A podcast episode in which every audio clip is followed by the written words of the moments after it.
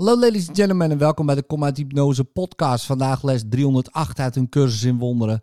Dit ogenblik is de enige tijd die er is. Ik heb me van de tijd een zodanige voorstelling gemaakt dat ik mijn doel verijdel. Als ik kies voor bij de tijd tijdloosheid te bereiken, moet ik mijn beeld over waar de tijd toe dient veranderen. Het kan niet het doel van de tijd zijn om verleden en toekomst te bewaren als één geheel.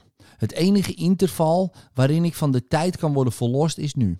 Want in dit ogenblik is vergeving gekomen om me te bevrijden. De geboorte van Christus is nu, zonder verleden of toekomst. Hij is gekomen om zijn directe zegen aan de wereld te geven en die tot tijdloosheid en liefde terug te brengen. En liefde is eeuwig aanwezig, hier en nu.